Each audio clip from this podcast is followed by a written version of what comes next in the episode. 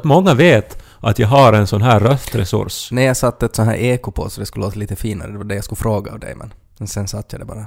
Ja, Mm. men det var ju omtänksamt för då Ja. allt låter ju lite bättre med reverb. Ja. Eh, Men du känner kanske inte igen sången? Nej, inte gjorde jag det. Jag tror att eh, de som är ungefär eh, över 22 som lyssnar på den här podden borde känna igen den, men du kanske inte tittar på Mumin-serien då. Det var ju Järova, alltså Isfruns sång. Sjöng hon sådär? Ja, när det är riktigt kallt, Mumintrollet är vaken på vintern och Mm. träffar Totikki i eh, det här omklädningsrummet ute vid havet. Och eh, Mm. så eh, kommer ju Isfrun och sjunger den här sången. Och så har de byggt en snöhäst som Isfrun får att leva och så rider hon iväg. Men det där är ju något så här, en sån här grej som de här japanerna som ritar Mumin inte kunde motstå att sätta in. Något så här super weird. Alltså där, här står det manus att Mumin ska få till omklädningsrummet, byta om och få simma. Men nu skulle det vara roligt om vi ritar in någon så här konstig isdrottning. Men jag tror att Isfrun är väl nog med i den här boken också, Trollvinter, som ju handlar om när Mumintrollet då vaknar mitt i vinter. Då annars sover de ju vintersömn. Mm. Eh, Men att de ritar ju henne, alltså hon är ju en sorts eh, sån här, eh, alltså fotomodell hipster med sån här spetsigt hår och sen Mm. har hon typ hjul istället för fötter. Och så Ja. kommer hon över isen och sjunger den där sången. Ja, men det är ju också en sån här japansk grej. Och jag minns jag var så upprörd och jag tycker än idag att det är en cop-out och liksom dåligt historieberättande. För historien är ju då att om man ser isfrun i ögonen så förvandlas man till is. Och så dör man. Mhm. Och, och så är ju det här förstås då spännande, Mm. för lilla My är nyfiken. Och så far hon ju dit mot isfrun Mm. och ser isfrun i ögonen och förvandlas till is. Ja, Lilla My är död! ja, Tänker man ju. ja, Otroligt eh, liksom chockerande. ja faktiskt. Men så bara tar de in lilla My i omklädningsrummet och så vaknar hon till. Och då är ju som... Då är ju hela dramatikens point, alltså det som var förutsättningen för att det skulle bli spännande, är ju som värdelöst. Mm. För om det bara är då sen att få in så är allt okej. Ja, men då, man måste ha liksom kompisar med en då som kan liksom dra in det här isblocket som man har blivit till. Ja men det är dåligt historieberättande. Om man skapar ett, ett sorts, en farosituation så måste man ju ta den på allvar. Det måste ju vara en äkta fara. Och rent pedagogiskt också tycker jag att om Lilla My då på något sätt ska ehm, symbolisera liksom barnet som vill, vill göra allting som är lite farligt. Så tycker jag ju att det är ju fel det nu då att barnen lär sig att det går nog liksom att, att, att, att göra det här farliga för att sen fara det om. Det är ju dumt. Ja. hon, hon borde ju ha dött på riktigt. Precis, det är ju som jag Och så borde de försökt- ha haft begravning och gått igenom hennes misstag. Och sagt att, att skulle, hon inte, skulle hon ha gjort som föräldrarna sa så skulle hon leva ännu idag. Och så skulle de alla ha tittat in i kameran i liksom 30 sekunder och bara nicka. Men det finns ju överlag just såna här ögonblick som jag, som jag stör mig på något alldeles otroligt. Det är också i de här Stig Larssons Millenniumböcker. Mm. Så där i slutet av bok två, det här kan jag väl avslöja nu då. Kan jag göra det då? Så blir Lisbeth Salander skjuten och begravd, alltså under jorden. Inte i en kista, utan hon kastas i en grop och så gräver de ner henne. Alltså samtidigt som hon blir skjuten. Nej, först skjuter de henne, Ja. så hon dör. Ja, Och så begraver de henne. okej. Nåja, och nu är ju Lisbeth Salander nog tuff och häftig, men det går för långt då när hon ändå överlever mi- mi- mirakulöst och lyckas kravla sig ut ur sin grav. Men hon blev väl säkert bara skjuten i axeln? Nej, hon blev vet, Nu minns jag inte exakt var skottet träffade, men det är liksom inget tvekan om att hon är död. Ja. Men sen så återkommer hon. Ja, men det, där, det där är ju dumt att man på något sätt, eh, författare tänker att, att man tycker att det är spännande om man, att huvudpersonen kanske dör, när det är helt underförstått att huvudpersonen kommer inte att dö. Men det är för att man vill skapa den här maximala möjliga dramatiken och faran. Jo men du kan inte göra det med huvudpersonen för att då har du ju inte liksom något koncept något mer. Du måste ju göra det med de som huvudpersonen älskar, för att där finns ju en fara. Eller så gör du som George R. R. Martin och att du bara don't give a shit. Man bara slutar skriva. Ja. Man bara låter dem hänga kvar Ja. i sin farosituation Och, det är för inte, evigt. och att det var inte ens bara att de dog utan att, att liksom de blev våldtagna och liket skändades. Och sen så försvann de. Då är det nog bättre kanske ändå att lilla My nog vaknade än att hennes lik skändades ännu till. Jag skulle jättegärna vilja läsa liksom den crossovern där George R. R. Martin skulle ha skrivit Mumin. Snusmumriken knivhugger Mumintrollen mitt i allt.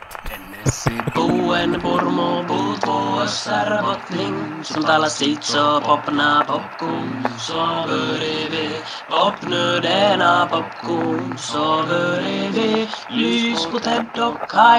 Ja, nej, men jag har varit lite arg nu, eh, eller så här, haft en eh, oro i kroppen. Eh, det började nog ganska långt med att, att de ringde till Niko då. Mhm. Från Illustrerad Vetenskap. Okej. Och så har de då noterat hans IQ-resultat och nu skulle han få någon sorts specialerbjudande då på den här tidningen och... Alltså och, illustrerad vetenskap, den här populärvetenskapliga tidskriften. ja, vi Ring, gjorde ju, ringde Niko. ja, vi gjorde ju ett IQ-test som alla som har lyssnat på den här podden Ja, känner till. just det, som, som tillhandahölls av illustrerad vetenskap, var det så? Mm. Ja, och Niko fick ju då ett otroligt bra Ja, resultat. jag kommer ihåg det. Ja. Ja, han fick bättre än mig, han fick bättre Mm. än dig. Han Nå, fick... jag har inte sagt vad jag fick. Nå, det att du inte sa det betyder ju på att du fick sämre än oss. Annars Jag- skulle du ha skrytit med Jag det. kanske nog sa att Niko fick bättre än mig. Jag tror du sa att, att du hade åtminstone inte mera än mig. Var det så? Nej, det har jag inte sagt. Men Niko hade otroligt mycket bättre än mig. Ja. Och nu då så, så har han fått något sorts erbjudande då, för att Mm. han då är så smart tydligen att de ringer då från, från huvudkontoret. Men de borde ju nog veta att någon som är så smart som din pojkvän så kommer nog att tacka nej till en helårsprenumeration. För det, vad det, är det inte de erbjuder då? Jo men till ett otroligt pris och en massa såna här eh, extra grejer. Han skulle få köksredskap och han skulle få någon resa någonstans och någon inträdesbiljett till någon Ja. utställning och, och det är ju det dumt för att de borde ju erbjuda det där åt sådana som får riktigt dåligt IQ. För det är ju de som går på det. Att ja, du är så dum så du får en wokpanna istället. Ja, men det skulle de inte säga. Utan att du behöver säkert en wokpanna i ditt liv för att alltså här vassa knivar och sånt, det är inte bra för dig för du är ju så dum så du skär ju dig lätt. Ja, nej, men jag, det, alltså jag vet inte, men det känns bara som att, du, att, när det, att om det skulle vara en stor grupp med människor och så har alla gjort det här testet och så skulle jag inte vara eh, bäst, så skulle det ju vara okej då. Jag menar, inte är man ju nödvändigtvis... och Man, man måste inte vara bäst. Men att- när man är två, Ja. så är det ju en som är sämst och en som är bäst. Ja, och det är väldigt viktigt för dig att vara bäst. Nej, det är inte... Det är, det, det är ju det det handlar om. Men vet du hur du kan tänka? Eh, som jag läste, alltså gällande IQ-test, eh, är ju att, att globalt sett så blir vi ju människorna smartare hela tiden. Alltså för varje år som går så blir vi smartare. Det ska man ju inte tro när Nej. man läser debatter i Nej, lokaltidningar nej, det är ju alltså, för, alltså problemet varför man inte ska tro det är ju för att dummare människor ges mera utrymme också för varje år. eh, på grund av internet och sociala medier och så vidare. Men det, är- alltså det, det att vi blir smartare så alltså har att göra med IQ-testen. För ett IQ-test är ju utformat att det ska, man ska få poäng kring 100. Det är liksom det här normala. Och de har måste flytta på, på liksom det här, den här ribban för varje år. Alltså att det måste bli svårare och svårare. För att eftersom för människor blir smartare och smartare. Och att man går liksom bara över och över det där hela tiden. Ja, men det har säkert att göra med hur testen ser ut. Det är ju också att IQ så måste man mäta på... Alltså, alltså man måste mäta en massa parametrar. Jo, jo. vi redan diskuterat också. Ja, men, men någonting är det ju att om det är så att de måste ändra på dem där hela tiden. Ja, men jag har svårt att tro på det där. Och så ska jag berätta varför? Jag fick det ultimata exemplet i helgen. Jag var på en fest och eh, där var en massa jättespännande människor och vi kom att prata om eh, högstadiet. Och eh, så sa den här människan då som var betydligt yngre än mig, som hade alltså gått i högstadiet bara för kanske 6-7 år sedan. För mig är det ju ändå 20 år sedan så att jag är ju som helt utanför kartan. Men då för tydligen för 6-7 år sedan då i ett uh, högstadium eh, här i Helsingforsregionen så fanns det då en, en, eh, en lek bland eh, pojkarna. Att pojkarna samlades då i grupper och sen så valde man då ut en då. Och sen så var det då ofta den starkaste då av alla pojkarna då som satte sin arm kring halsen runt den här som var utvald. Och eh, höll den där och klämde ända tills eh, den här utvalda då tappade medvetandet. Och så eh, när man då såg att, eh, att den här utvaldas ansikte blev slappt så då var de andra genast där och slog honom på kinden så att han kvicknade till. Och så var det hela grejen för då hade man som en sorts kick då när man då återfick syret och, och livet då. Alltså, Och det här höll de på med då liksom rast efter rast och som, sen så for det över till nästa och så kvävde de honom Och så... Men det, det är alltså, barn är ju så dumma i huvudet att det är sådär att okej, nu har någon tagit bort alla vassa grejer, men då börjar vi kväva varandra. För att vi har tråkigt. Ja men så här tänkte jag också att va, va, det, här, det här är som över alla gränser för liksom sinnessjukhet. Ja. Men så sa jag det här då till Nikon när jag kom hem. Så sa han att ja, ja, men det där gjorde vi i högstadiet också. Det är så otroligt. Och så jag bara att vad har vi missat i vårt högstadium nu då? Sociala medier. För vi skulle inte ha kommit på de där grejerna själv, tror jag. Men att nu så finns det allt sånt här på internet. Ja, men jag blev ju också nyfiken och så läste jag på lite då om eh, autoerotic asphyxiation då. Ja. Eh, För att, eh, okej, nu ska vi ju inte använda den här vår plattform till att uppmuntra Nej, till vi ska strypning. verkligen inte uppmuntra till strypning. Men att det är ju tydligen då någonting som händer i hjärnan då när man får syrebrist som då ska förhöja vissa sköna känslor i kroppen. Och det ska då eventuellt vara ganska skönt det här då. Ja. Eh, Jag, som har en otroligt stark eh, kvävningsfobi och så här att jag tycker att det att drunkna till exempel är någonting som skrämmer mig jättemycket i den här idén. Eh, Så, så vill jag absolut inte ens försöka leka med det där. Nej. Men att tydligen jättevanligt då bland högstadier, åtminstone här i södra Finland. Ja. Men så det tycker jag ju om någonting då be bevisar att, eh, att inte har vi blivit smartare, att även om vi har fått högre IQ så har vi blivit... Ja, så är vi lika dumma som vi Ja, alltid men, har kan, varit. ja, men man kan inte liksom basera på 15-åringar vad de sysslar med liksom eh, i högstadiet så kan man inte basera på att alla har blivit dummare. No, men de har ju tillgång till den bästa vetenskapen, den bästa information som någonsin har funnits i Ja, världshistorien. Yes, men de är ändå 15. Jo, jo, men ändå. Det måste ju tyda på någonting inbyggt i människan som aldrig förändras, som alltid liksom är irrationell och lite dum i huvudet. Mm. Ja, men det skriver jag under. Men att det kanske sen när man eh, växer till sig lite och blir lite smartare och blir lite mera rationell kanske, så då, där finns en skillnad i hur rationell man var för 50 år sedan. Men vad är det liksom med pojkar när de kommer tillsammans? Mm. Såna här märkliga... Alltså, alltså, man har ju hört mycket om så här vet du, att man, man far och bryter sig in och man far och Mm. liksom eh, sniffar tändargas och så vidare. Det är för att vi ännu har kvar de här våra primala instinkter, där vi är liksom um, evolutionärt så är vi eh, är, är vi jägare och ska liksom dö och slåss och det, det är liksom vår vardag. Och så lever vi i ett samhälle där inga av de här instinkterna uppfylls så därför börjar vi istället kväva varandra och bryta oss in i lägenheter. Det är en teori. Att, att det finns ett så här instinktivt utlopp för idiotiska aggressioner eh, som, som bara måste ske helt enkelt. Och när det inte finns en mammut att döda så då börjar vi kväva varandra. Jag undrar om det är någonting också, alltså som sagt nu, jag inledde den här podden med att sjunga Isfruns sång. För att det, när jag kom hit, alltså det är ju minus 25 ute just Ja. nu. Eh, Det är ju, det är ju, det är, det är ju som en tjock frys alltså. Jag har rakat bort det mesta av mitt skägg för att jag fick så mm, stora problem med att det blev liksom isbildning så fort jag kom ut. Ja, jag trodde helt enkelt att du hade fått nog av att se ut som Tom Hanks i den här, vad heter det nu, Castaway. Eh, för att jag reagerade på att du var väldigt uh, städad.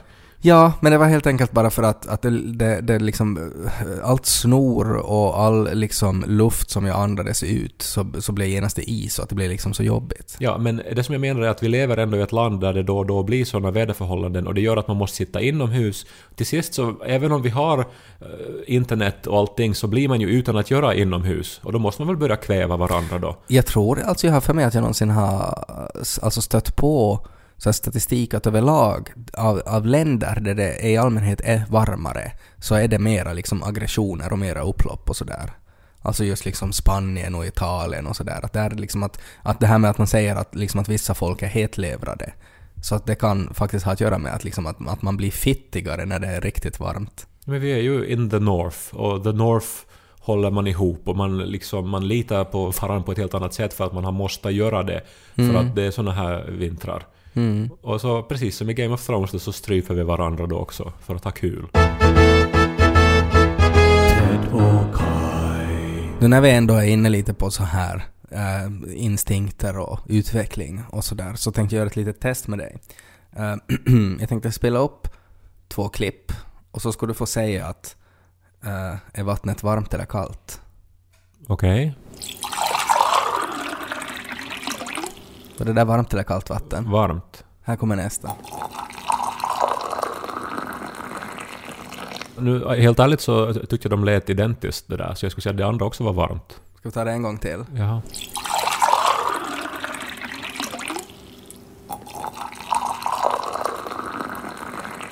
Uppenbarligen, nu när jag hörde den, så det första var kallt och det andra var varmt. Ja, och, och så är det ju. Va, vad har det här för mekanism? Varför känner vi igen skillnader på hur varmt eller kallt vatten låter? För att det där andra så tycker jag man hörde ångan i koppen också, och Ja. som, som ändrar på ljudet. Mm, det har alltså just med hur, hur bubblorna beter sig, så därför låter det olika. Men är det här då, alltså för, för det sprids en sån här grej nu, liksom att är det inte sjukt att vi känner igen liksom skillnaden på kallt eller varmt vatten. Och är det här då en sån här evolutionär mekanism att vi har liksom utvecklat förmågan att känna igen om ett, hur vatten låter när det är kallt och hur vatten låter när det är varmt för att inte bränna oss? Ja, nej, nej, nej, för det där var ju någon som hällde någonting i ett glas eller i en kopp. Jo, jo, Och- men tänk dig att om någonting... eh, jag tänkte ju säga att om, om det är liksom en geyser som bubblar och sådär, men då är det ju alltid varmt. Ja, och så ser man ju på ånga och så känns det ju och så vidare. Eh, alltså, det där var ju rent att man är van med att hälla varmt kaffe i en kopp och att man är van med att hälla upp vatten i ett glas. Jo men alla känner igen genast liksom att man hör väldigt lätt vad som är varmt och vad som är kallt. Ja, men jag tror att jag hade en bra förklaring på det där, att man hörde att det var ångvatten. För att man är van att göra det. Ja, man har gjort det. Det är en vardaglig grej. Jag menar, senast för en 20 minuter sedan så hällde vi upp kaffe i koppar här. Så, så egentligen, alltså jag borde hitta någon som aldrig har hällt upp Men vi, en röck. Vi steg upp igår, f- jag och Niko, tidigt, vi spelar in det här på tisdag, så på Mm. måndag, för att fara och se på den här superblodmånen då. Mm. Det, hände, det hette ännu någonting mer. Så Varg. Superblodvargmånen. Ja, Eller det är ju- supervargblodmånen. det är ju någon rubriksättare som har liksom haft stånd när de har hittat på det. Mm. Eh, Men vi steg upp då och, och, och gick ner till havet för där var det mörkt. Mm. Och eh, så såg vi den, den var inte alls imponerande i Helsingfors åtminstone, för det är ju säkert så mycket ljus som förstör. Mm. Eh, Men vi tittar på havet istället och det såg nästan metalliskt ut det här vattnet. Och det ser så här tjockt ut. Mhm. För det som... eh, Alltså det var svinkallt men det har ännu inte fryst men antagligen kommer det att frysa när som helst. Ja, Och så ser vattnet så här stålaktigt ut. det var säkert så här liksom ispartiklar som flöt omkring där, som inte hade liksom bundit sig fast i isen. Ja, eh, möjligen. Och jag Mm. menar då såg man ju på utseendet också att det här är kallt vatten. Mm. Så det finns ju hur många sätt som helst att... Ja, men det, det är en annan sak att se om någon liksom... Att, man ser ju att om det är isbildning och sådär, då ser du att det här är säkert kallt eller det här är varmt. Jo, men enda sättet du kan höra vattnet på är ju om det är endera ång, alltså vågar eller Nej, om vad du om- häller upp det. Och Nej, men vad om, man- om det är ett, ett pikolitet vattenfall, alltså att det är liksom, att det strömmar lite. Då kan det väl vara både kallt eller varmt? Ja, det, där hör man säkert inte skillnaden. Nej, jag tror att där hör man skillnaden. Det här är, vet du vad det här är? Det här, jag lyssnade på en otroligt intressant analys av eh, nyhetsläget i Alex och Sigges podcast. Mm. eh, där de pratar om de här årets största nyheter hittills. Som ju Mm. del, dels då är det här ägget som folk gillar på Instagram. Mm. Och det här konstverket i Afrika där de spelar Afrika i öknen.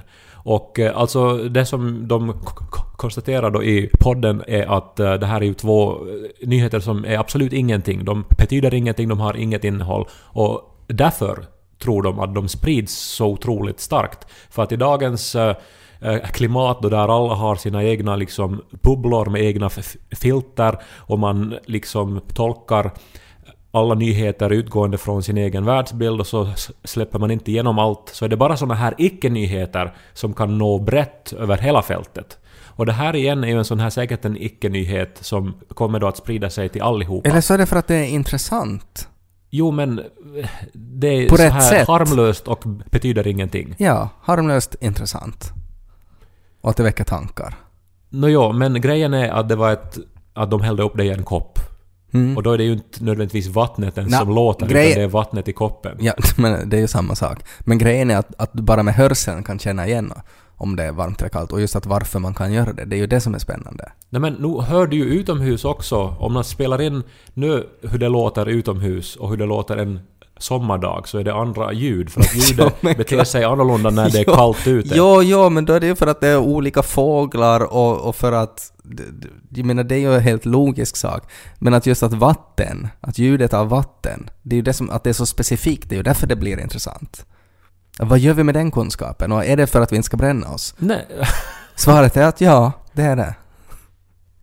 Alla människor som inte hörde skillnaden, så de har kokats ihjäl, tror jag. När de får och skulle simma i det där kokande vattnet, för då de hörde inte att det, var, att det kokade. Jag tror man hör också bara på ljudet om någon har högre eller lägre IQ. Och jag tror att ditt resultat har avslöjats i den här podden.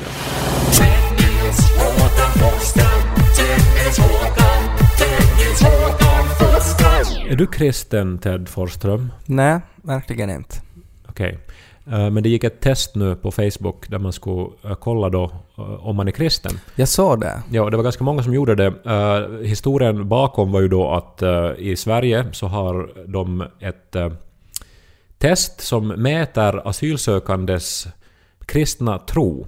Alltså det här är då asylsökande som åberopar då att de har blivit kristna och alltså då inte kan återbördas till sitt hemland som förmodligen är muslimskt och där de då skulle förföljas. Och för att då... eh, Alltså det är ju säkert många som har precis den här problematiken men eftersom man har misstänkt att en del bara påstår då att de är kristna för att få asyl så har man utformat då Migrationsverket har utformat ett test för att se då hur, om, om de är kristna. Och det här ett, ett testet som var online som bestod av 10 frågor eh, och man måste ha 60% rätt då för att eh, vara kristen enligt Migrationsverket i Sverige. Och eh, jag har ju då har en bakgrund som kristen så jag gjorde det här av intresse, det här testet. Och jag fick 20% så jag var inte kristen. Jag Men var det då- så här liksom kuggfrågor då? Liksom att jag tror på ljuses? Eller Jesus? Eller Jesus? Och så var det liksom bara svårt att pricka rätt då? Nå, jag reagerar på att det var väldigt svåra frågor nog. Nej, men ge ex- exempel på en fråga. Nå, ett exempel var... Hur många fiskar fick Jesus exakt av den där ena fisken? Jag tror att den allra första var att man skulle räkna upp uh, Guds tio bud. Vilket jag kunde, för det har jag lärt mig utan till Ja. tiderna. Men sen var det en annan fråga. Vad är skillnaden mellan den protestantiska kyrkan och den ortodoxa kyrkan? Ja, men det är ju bara, det är ju typ myrra. Eller något. Nå, sen började jag då liksom skriva in allt som jag liksom visste, men inte vet jag ju så här egentligen i grunden vad som Nej. är skillnaden. Alltså jag... Alltså, alltså för, för att det handlar ju om såna här yttre saker som man Ja. känner till. Vad var det andra frågor då? Nå, jag minns nu inte alla frågor. Men var, var det något så här i stil med att, att om Paulus eh, döper fyra personer och Judas döper en person och Jesus trollar fram två bröd. Hur snabbt kan Johannes få till synagogan? Att det var inga så här att man faktiskt måste ha formler och sådär. No, det var nog, alltså det var jättesvåra frågor och grejen Okej. var då att då skulle man, eller man fick sen publicera sitt resultat. Och sen så är det nu då en massa människor som har gjort det här, bland annat eh, en präst som jag känner som inte heller då ansågs vara kristen. Oj då. Eh, Många uh, teologimagistrar som liksom studerar till präst och som har varit kristna hela livet. Men var jätteskönt för dem liksom då att veta att nu kan de inte, liksom nu passar de inte, nu kan de inte vara präster mer för att de är inte kristna. Att det skulle vara, jag känner jättemånga människor som har sådana jobb att, att de borde liksom ta, liksom en taxichaufför och så borde den liksom ta ett test och se att du är bara 17% taxichaufför. Och så skulle den konstatera att ja, det är därför jag kör så dåligt, att jag ska nog inte ha det här jobbet. No, fair enough, men grejen var nu då att det var ingen som klarade det här testet. Och sen då eh, så hade det här analyserats och så hade det väl visat sig då att det här är nu inte som rakt av ett test som Migrationsverket har. Det är riktiga frågor som de har ställt i, i de här s- situationerna, men någon har säkert sammanställt då de eh, svåraste frågorna. Men är det en sån här grej då att det är en man som drunknar och så är man sådär att, att uh, ska du komma med i båten och att nej, Gud skickar nog hjälp.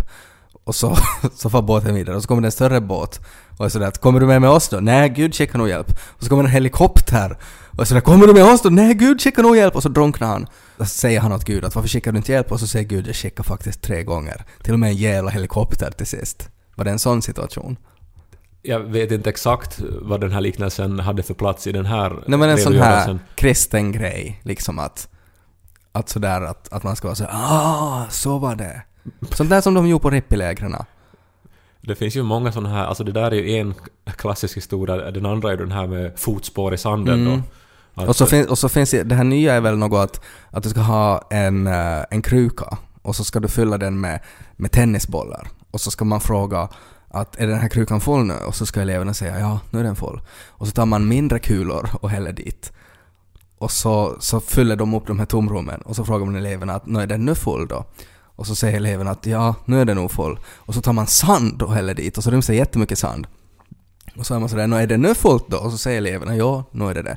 Och så häller man öl dit. Och så kan man då konstatera att hur fullt det än är så ryms det alltid mera öl. Mm. Eller det var, det var, det var liksom en variant av det. Och sen är ju 90% av atomerna är ju tomrum, så ändå är ju krukan till 90% tom där. Mm. Nu hittar vi ateisten i klassrummet. Nej, men, men, men, men jag har funderat den här veckan en hel del på den här frågan att vem är kristen? Och Ja. vad, vad, vad gör att man är kristen? Om man tror att man är frälst, är det inte så? Om man upplever att jag blev frälst av frälsaren Jesus Kristus, Ja. det väl kristen? Men det har ju också varit en väldigt uppmärksammad eh, tidningsdebatt som ju har dragit det här till sin spets då. En eh, präst i Kristinestad som eh, har en en ganska orubblig och uh, oförsonlig tro då på att man måste uppfylla väldigt snäva former då för att få tydligen då vara en sann äkta kristen då. Eh, nu riktades hans hat då mot eh, homosexuella i en insändare i Sydösterbotten i tisdags för en vecka sedan. Och eh, där var det ju då vi homosexuella omnämndes som söndriga och misslyckade, avskyvärda, onaturliga, syndiga och att det var naturligtvis så att vi är det. Det var det inte typ att hans försvar var väl också sådär, men att det är ju så. Ja, ja, alltså att det är så. Att, eh, att liksom det här är ju klart att det är så. Alltså varför är ni upprörda? Jag bara skriver ju hur det är. Nå, det här blev ju förstås då... Det är ju svårt för mig att tro också att den här prästen inte förstod att det här var ett kamikaze drag som han gjorde när han skrev det här. För det är ju klart att en sån här vidrig, eh, galen text kommer att be- bemötas då. Eh, Bland annat då så reagerar ju genast biskopen eh, Björn Wikström och ska nu då undersöka eh, den här insändaren, att om den bryter då mot, mot, mot god sed och så vidare. Jag tycker alltid när någon säger liksom att biskopen reagerar så ser jag mig att han sitter i ett, i ett arbetsrum och så är det någonting som börjar blinka där.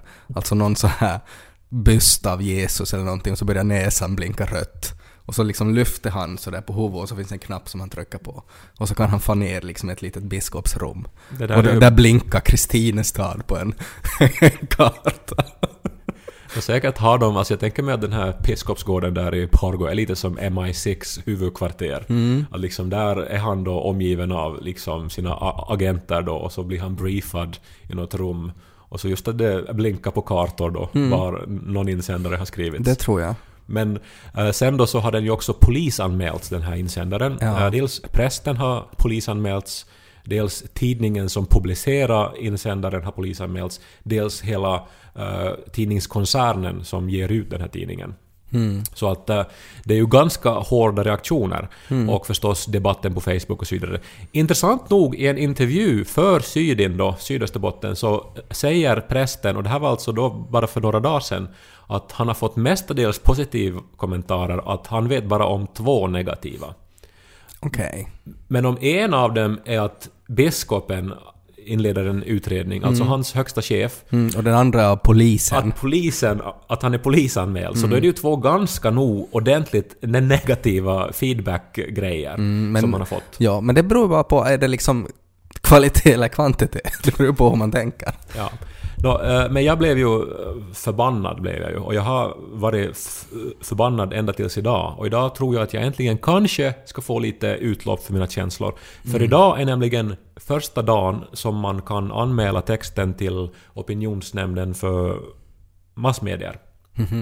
För att man måste vänta tydligen en vecka efter att det har publicerats. Antagligen för att folk i vredesmod annars skulle gå och anmäla eh, texter hela tiden.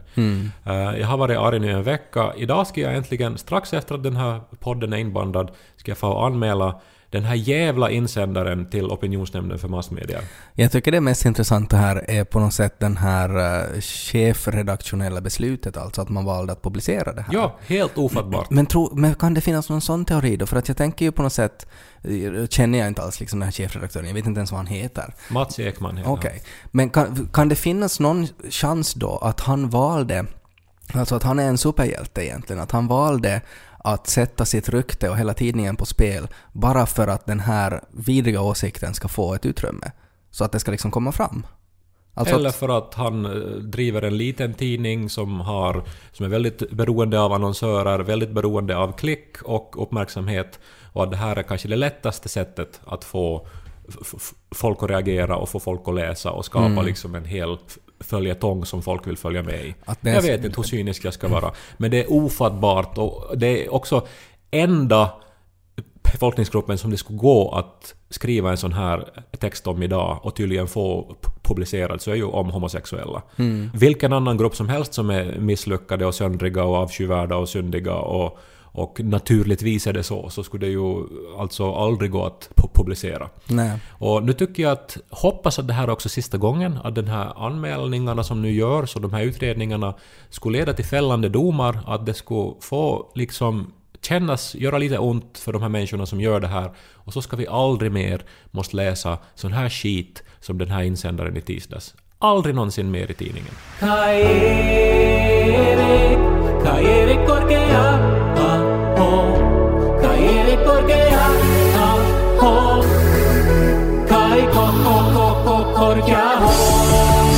Medan vi nu pratar om sådana där gay-grejer så skulle jag vilja lyfta fram någonting som jag tror faktiskt att jag har hittat och, och det är då världens mest heterosexuella filmscen. Oho, ohoj. Nej, men det här, nu kan ju alla österbottniska präster spetsa sina öron då. att Det här är något som ni genast ska fara och youtuba tydligen. Mm, man, man behöver inte ens vara youtubare, man kan gå in på Magnus Hanséns Facebook. Eh, för, för det var där jag hittade. Uh, han är ju alltså... är han vän med alla österbottniska präster tror du då? Det, ja, jag vet inte. Han är ju nog sådär. Han har säkert ganska brett, brett så här nätverk av kompisar, så säkert finns det några där. Det är alltså tv-serien Band of Brothers. Har du sett den? Eh, Ja, och be mig inte säga vad jag tycker om den. Nej, no, den är jättebra. Steven Spielberg har producerat. handlar om manlig vänskap under andra världskriget, i princip. Och eh, det finns en scen eh, i den här tv-serien som på något sätt triggar det mesta hos en se- heterosexuell man, skulle jag säga. Också hos mig. Alltså jag tycker också att det här är liksom... Det, det innehåller alla grejer som, som på något sätt man går igång på. Men, men liksom verkare och liksom kvinnor och motorer. nej, nej, nej, det har ingenting med kvinnor att göra. För och att det, skillnaden mellan varmt och kallt vatten. Nej, inte heller. Alltså det, det ska inte vara något sånt. Inga, in, in, ingenting feminint, ingenting liksom som, som kan vara så här tvetydigt. Okej, men det är som inte en sån actionscen utan det är liksom med repliker man får fram den här heterosexualiteten då. Det är alltså en scen där då The Band of Brothers, alltså ett, en, en eh, pluton då med unga män som slåss i andra världskriget, så de har just fått en ny ledare som är ganska dålig. Alltså att han, eh, han, eh, han är, man kan inte, han är lite sådär flaky som de säger på engelska. Att man kan inte riktigt lita på honom och han, han är inte riktigt stark i sin, sin ledarskapsroll så att han kan inte ta de här besluten som krävs i en heterosexuell stridssituation. Um, så att han eh, får dem omringade. uh, och så bryter han ihop totalt på ett så här väldigt icke-manligt sätt. Alltså att han bryter ihop och han kan inte göra någonting och de skriker åt honom att “You gotta tell us what to do man! We're surrounded, they're gonna kill us, we're sitting ducks over here!” Så här klassiskt och, och det, man är redan som heterosexuell man är man redan sådär att, att shit vad ska de göra? Och så är det då en annan heterosexuell ledare som är sådär att som har varit deras plutonchef men att han är nu typ general eller någonting så han får inte vara där. Och så måste hans bros måste liksom hålla i honom så han inte springer dit genom elden och liksom blir skjuten. För att han är sådär I gotta save my man Och redan där är det sådär att hjärtat dunkar liksom att jag skulle göra precis likadant. Uh, och så säger han då Lieutenant Pierce, tror jag han hette. Get over here. Och så kommer då en långbent, snygg, maskulin, heterosexuell man så kommer dit och så säger han åt honom att, att, att du måste fara dit och fixa den här situationen. Och så springer han liksom tvärs över liksom där de bara skjuter och alla dör. Men att han, han bara springer rakt igenom. Och så hittar han den här plutonen och så säger han liksom, tar han sådana iskalla beslut. Ni går dit, ni flankerar dem där, du gör så här och så här och så här. Och så ännu så springer han tvärs över uh, fiendelinjen och springer liksom förbi alla tyskarna. Eh, och så börjar det spela sån här melodramatisk sån här trumpetmusik. Och så zoomar de in på de här andra männen och de bara liksom tittar på den här mannen och är sådär att vad håller han på med? Och så är det en sån här berättarröst som säger att It's not that he contacted E-company. It's that he came all the way back and did it again.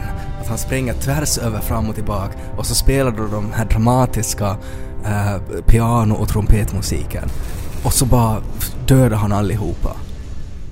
Och, och, och det, det, det, är liksom, det är både det här, det är den här manliga gemenskapen, det är det här iskalla beslut, döda nazister, det är liksom allt sånt där som triggar vad det är att vara en heterosexuell man. Plus att de där i Potteron och sen stryper varandra. Och så slår de varandra på kinderna de ska få kickar. Nej, eh, ja, ja, kanske de gör det sen efteråt. Jag tänkte bara för att få det ännu mer heterosexuellt. Men det är om, om ni upplever i något skede att ni börjar liksom tvivla på er sexualitet, så, så googla liksom på Lieutenant Pierce på den där scenen och se att går ni igång på det där, så då är ni troligtvis heterosexuella. Resonemanget är ändå lite oklart. Jag tänker, jag som homosexuell man skulle säkert kunna njuta av att se på det här också. Mm. En massa män i uniform som, som liksom är väldigt nära varandra. Men gör du det då? Nej, det är ju en fasansfullt dålig serie den här Band of Brothers. det är, alltså efter Saving Private Ryan det sämsta som Steven Spielberg har gjort. Ja. Det där tror jag är alltså en, eh, en sån där att, att om man upplever att man har sin gaydar, liksom sådär att den är okalibrerad, uh, att, att ens förhållande till andra världskriget, jag tror att det är väldigt få homosexuella människor som, som på något sätt diggar andra världskriget. Men vi dödades ju i koncentrationslägren. Ja, Tror du judarna nej, diggar nej, andra men inte, världskriget? den, inte, liksom, inte förintelsen, men liksom den här, de här striderna. Alltså att man ändå upplever att det finns någonting liksom mäktigt i det där liv och död och iskalla beslut som formar nationer. Och att du ska leda män i trupp och det är dina bröder och Alltså, du, du vita tar en mäns- kula för dem. Vita Liksom. mäns maktkamp som ödelade en hel planet. Ja, det bryr sig homorna inte om. Tanto vai, tanto vai, tanto.